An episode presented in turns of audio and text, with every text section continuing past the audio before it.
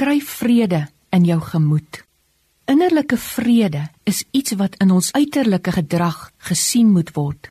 Hoe lyk jou uiterlike gedrag? Weerspieël dit vrede of vrees? Alvorens die Here jou seën, moet jy eers vrede hê.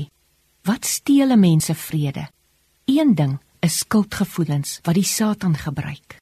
Byvoorbeeld, Satan sê vir jou, jy stel God te leer. Die eerste ding wat jy dink is dat dit heel waarskynlik waar is en dan trap jy in die struik en jy voel baie skuldig. Die feit is, Satan sal altyd iets sê om jou oorskuldig te laat voel, want dit is hoe sy bose plan werk. Hoe kan 'n mens vrede koester en dit in jou gemoed behou? Jy moet ten volle bewus wees en besef wat Jesus vir jou alles aan die kruis gedoen het. Hy is vir al jou oortredinge, al jou ongeregtighede, jou siektes en smarte gestraf sodat jy losgekoop kan wees. Dit lees ons in Jesaja 53 vers 5. Begin om nuwe gewoontes aan te leer. Loof en aanbid hom geduldig. Sy onbeskryflike groot liefde vir jou verdien al die lof wat jy hom kan toedig. 'n Baie duur prys vir jou straf is volkome betaal. Elke aanklag of belediging wat die Satan teen jou gebruik, het sy deur jou gewete of voor God se regbank kan nie slaag nie.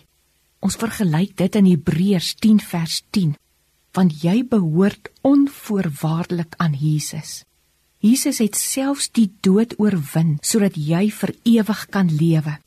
As jy minderwaardig voel, is dit eintlik 'n belediging vir sy volkomme werk waarvoor hy betaal het.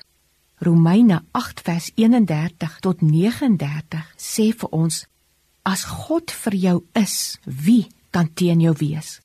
Hy het self sy eie seun nie gespaar nie, maar God vir ons almal oorgegee.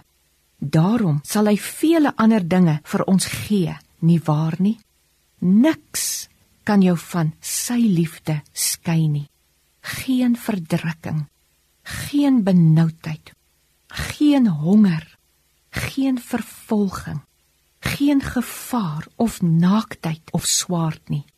Maar in al hierdie dinge is ons meer as oorwinnaars deur hom wat ons baie liefhet.